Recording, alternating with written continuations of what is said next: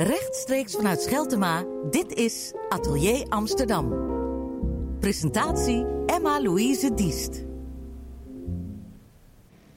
Thank you all for being here. Uh, we are very honored to have you here, um, Christopher, in Amsterdam, in our favorite bookshop, Scheltema, because I'm sure you're very busy now. Your latest work is published, traveling all around the world to speak to your fans. How is it to be here in the Netherlands? Uh, it's a very big honor to be here, and I want to thank all of you for being here today. I know it's always an effort to come out and see an author.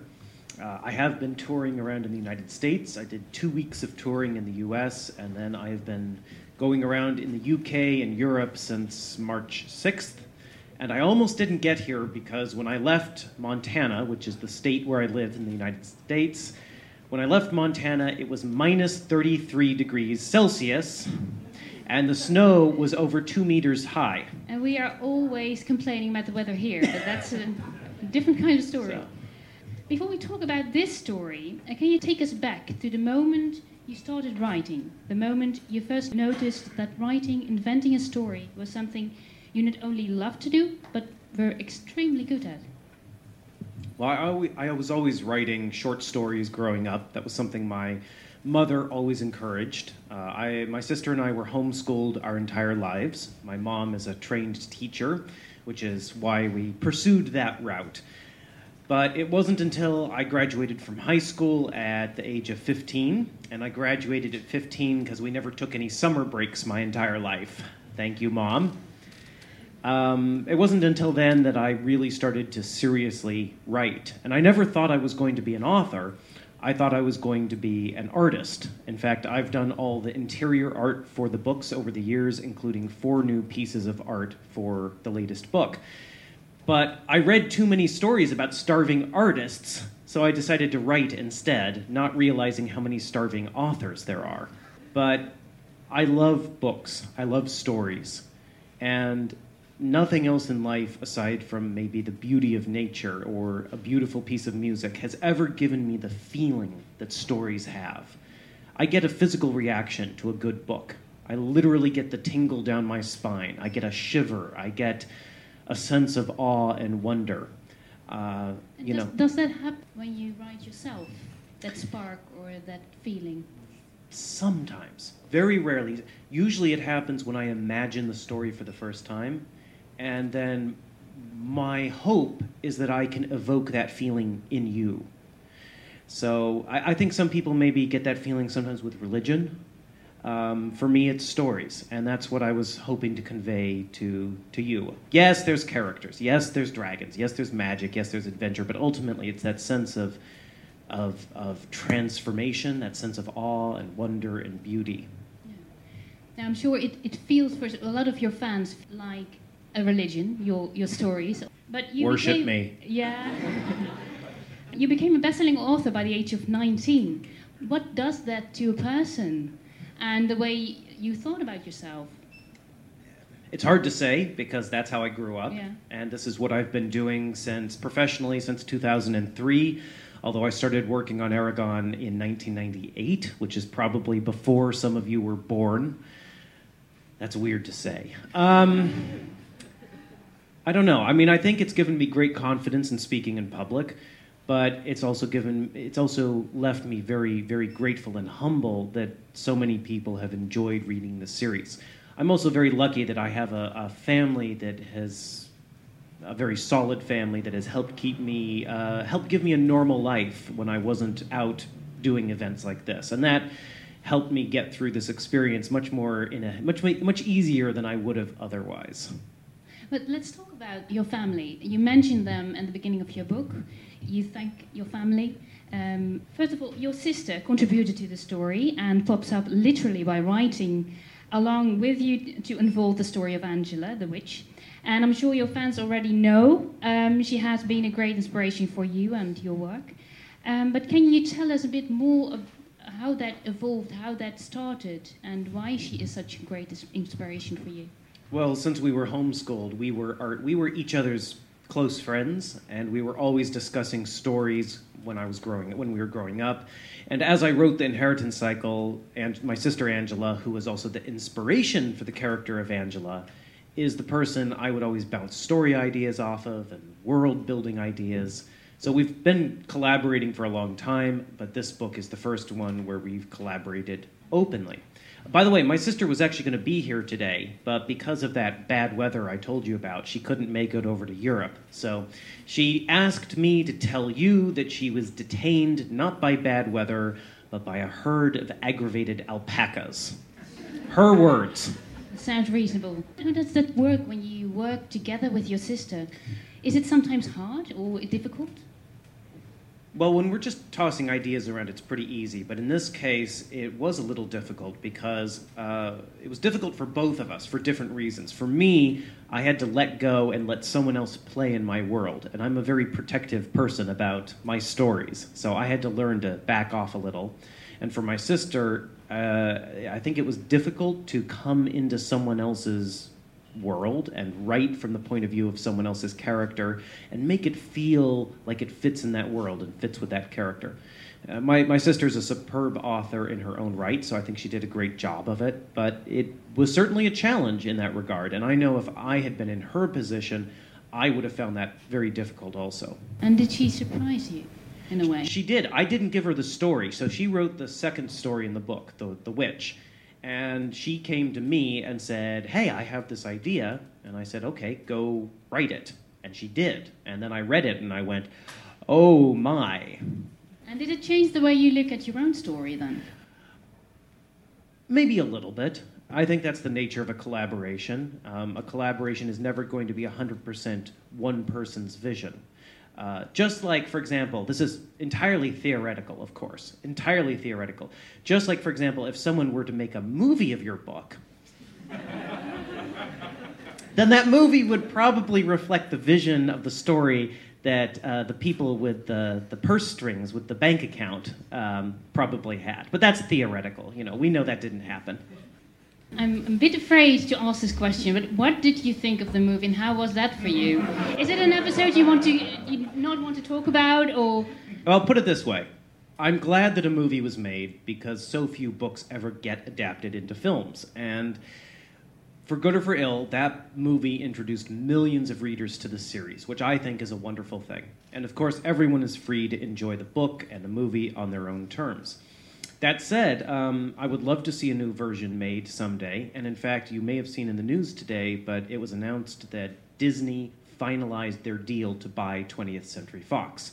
20th Century Fox made Eragon, which means as of today, technically, Arya is a Disney princess. So I don't know. I don't that's know. news. Yeah. Yeah, I don't know if Disney is going to want to remake Eragon, um, but it feels like the sort of property that appeals to Disney. It's family friendly, it has a large audience, there's a new book out, so we shall see. But then it will be something you love. And I not- will be an ironclad tyrant if there is a remake.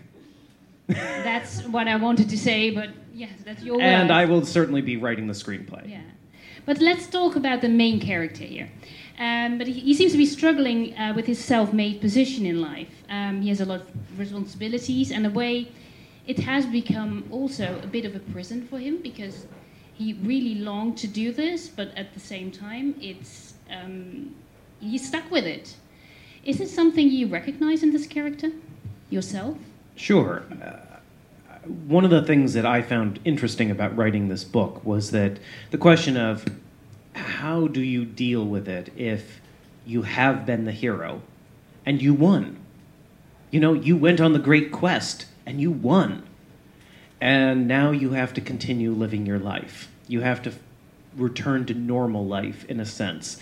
And Eragon is certainly wrestling with that a little bit. He's had this amazing, incredible, over the top experience. He fought in battles, he faced great enemies and was nearly killed. And now he's sitting at a desk and dealing with bureaucracy a little bit. And his challenge now is how to figure out to be a hero in a different sense.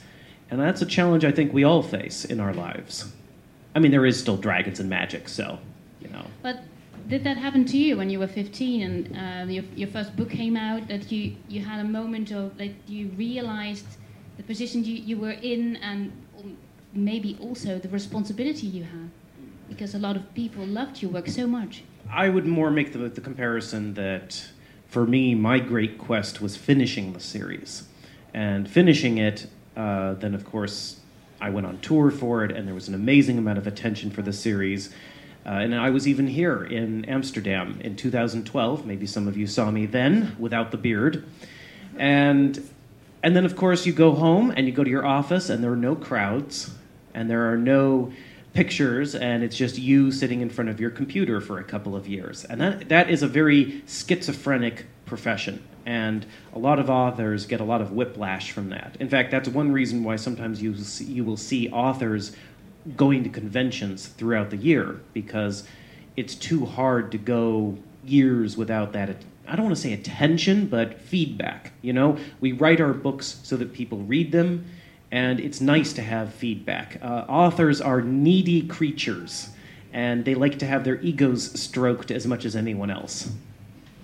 And have you been afraid while writing, like the fear of not um, be able to make another episode or another book? I think every author is afraid most of the time. Uh, you writing is such a subjective experience. If I say a word, if I say the word rock, you all see a different rock in your heads. You also may have emotional attachments to the idea of a rock. But it's different for all of you. And so when I have an image in my head and I try to use words to put that image on a paper, and then you read those words, the transition is very different, difficult. So I'm always afraid that what I'm writing may not convey what I'm trying to convey. I worry about the effect it will have on the reader. I worry about the quality of the work. Uh, you know, lots of concerns. And part of this profession is learning to put those aside and simply tell the story. So you're quite good at the translation from the image in your head into paper. But um, you also are an illustrator, and you've made three artworks in this in this um, piece of literature. How was that for you to make that translation? That was a lot of fun. Um, although the third image in the book, uh, it's a drawing of an Urgal horn, uh, was rather tricky to draw, and so I had to sculpt the horn out of clay in order to get the shape right. And I, I love the drawing because it's a nice break from the writing. But I was working on that sculpture, and a friend of mine called me up. We hadn't talked in a while, and she asked me, So, Christopher, what are you doing? And I said, Well, I'm making a sculpture. And she said, Oh, like of a flower or a bird. And no, a horn. Like a drinking horn? And I'm like, No, an Urgal horn. Um, but uh, I would do a lot more art if I had the time, but it's, you know, either I write or I draw, and I can't do both at the same time. So you you drew these um, pictures after you wrote the book, or yes, and I I only had four days to do them. Four days. Four days because of the Including publishing schedule. the whole structure you made before you drew the horn. Yeah, yeah. I did. I did the map, and then I did the three interior drawings in four and a half days. And are you satisfied when you look at them? No. because that that's another thing being an artist to look at your own work and maybe to read your own work. Can you do that? No. No. No, no, no. Uh, it's easier to read my work than it used to. When I started out, all I could see were the problems, and I'm better now. You can distance yourself. No, I'm actually better. So that when I when I when I read okay. when I read the writing, I'm not making the same mistakes. You you make progress. yes, yeah. but I make different mistakes now. You know, that's the that's the thing with writing is that it, no matter how good you are, there are always levels you can aspire to. So I don't make the same mistakes I made back in the day. I make new ones because I am trying new things. I'm pushing myself both with the characters, the story, the world, and the language. But how do you push yourself? Are there things that are very important for you? Maybe the way you sit when you write, the, the people you see during this process? No, I, I have a very stable life around me for the writing. That doesn't change so much, but the pushing part comes by you know, trying to write a story structure I haven't written before, trying to write a character of a type I haven't written before, trying things with language. Like the, the third story in this book is written from the point of view of an Urgal, and the language is a little bit different in that story. So that's an example of challenging myself. Simply writing short stories. I did not know if I could write a story with a beginning, a middle, and an end and have it come in under four books and a million words. Yeah, that's another thing I wanted to ask because you suddenly made a decision to write three short stories instead of one long one. Mm. And why did you do that? Why, why did you make that decision? Well, because these are not ideas for full sized books. And yet I wanted to tell these ideas and I wanted to share them with you. So it was either just sit on them and do nothing or write them up and publish them. Did you wanted to make some more dense literature, uh, words or sentences in this piece? Or? Both. I'm also a horrible tease. So you'll notice there are lots of little mentions of things that are going to happen or may happen, laying the groundwork for future stories. There is going to be there are going to be more books of these short stories. You'll notice it says volume book one, Eragon.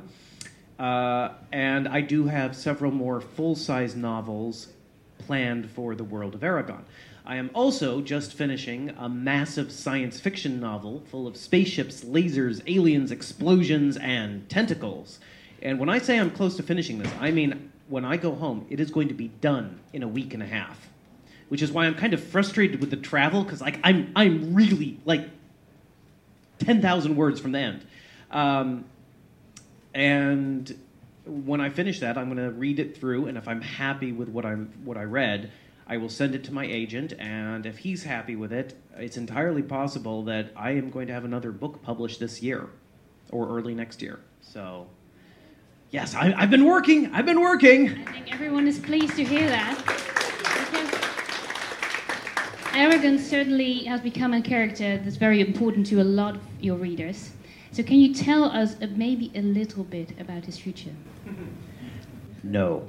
I mean, I mean, to be fair, you will see more of Eragon, a lot more, but never in quite the same way as we did with the inheritance cycle. Uh, although when I when I started this book, I got a tingle down my spine. It was so wonderful to return to writing about Eragon and Saphira. It was like returning home after a long journey, or putting on an old glove. And I, literally stopped about three pages into the book and looked at my computer and said this out loud, and then to an empty room, I said, "Why did I wait so long?" And I have no intention of waiting so long again. I mean, I worked on the inheritance cycle from 1998 until 2011. And then I was touring all the way through 2012. I mean, that is a huge chunk of time and a huge chunk of your life, no matter what age you are. But especially when you go from being 15 to 27, 28. So those characters, this world, it's burned into my personality and into, into my brain as deeply as it probably is for some of you if you grew up reading the books, right? So. But you grew up living the books, yeah, literally. I did. Yeah. I did. And can you imagine a life without Eragon and all this writing and this world you created? You know, I applied to college. Um, after I graduated from high school, I applied to only one college. I applied to Reed College in Portland, Oregon. It's pretty good college in the United States. Uh, they're they're very tough, which is what I was looking for. And I was going to go. I mean, I had the orientation papers on my desk, but I was just finishing up Eragon, and my family and I was were planning to self-publish the book.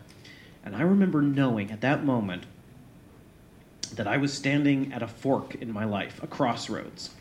And the thing is, is we all experience moments in our lives where our life could differ radically if we do one thing versus the other. But most times we're not aware of those moments. You know, if you step off the street a moment too early, you could get hit by a car. Or, you know, you meet someone that later becomes your future husband or wife. You know, those sorts of things. And we're not aware of the most of those moments. But in that moment I knew that if I went to university, my life would be completely different than if I decided to pursue self-publishing Eragon. And that was a terrifying moment. And I didn't know what to do. So I went to my parents and I said, I don't know what to do. And they told me they weren't going to force me to do anything. They said, This is your choice. We will support you in whatever you do, but what do you want to do? And I said, I want to tell stories. They said, Okay, let's give this a shot and that's why I'm sitting here right now. So no, I, I And are you at a crossroad now again in your life, do you think? Um, not so much professionally, uh, maybe in some other ways, but I know who I am and what I want to do, and it's just a question of time now and putting the effort in. But um, no, there's some alternate universe where there's a version of me that went to university, and maybe he is an artist or maybe he is an author, but he had a completely different life. And he probably wonders every once in a while what would have happened if he'd self published Eragon. So you stay out of college and keep on writing for us because we are very, very curious what happens to him. And we want to have him in our lives. I want to thank you for this interview and leave you alone with your fans because I'm sure they have a lot of questions as well for you. I wish you a lot of luck in your life and um, keep surprising us. well, and thank you for the lovely questions.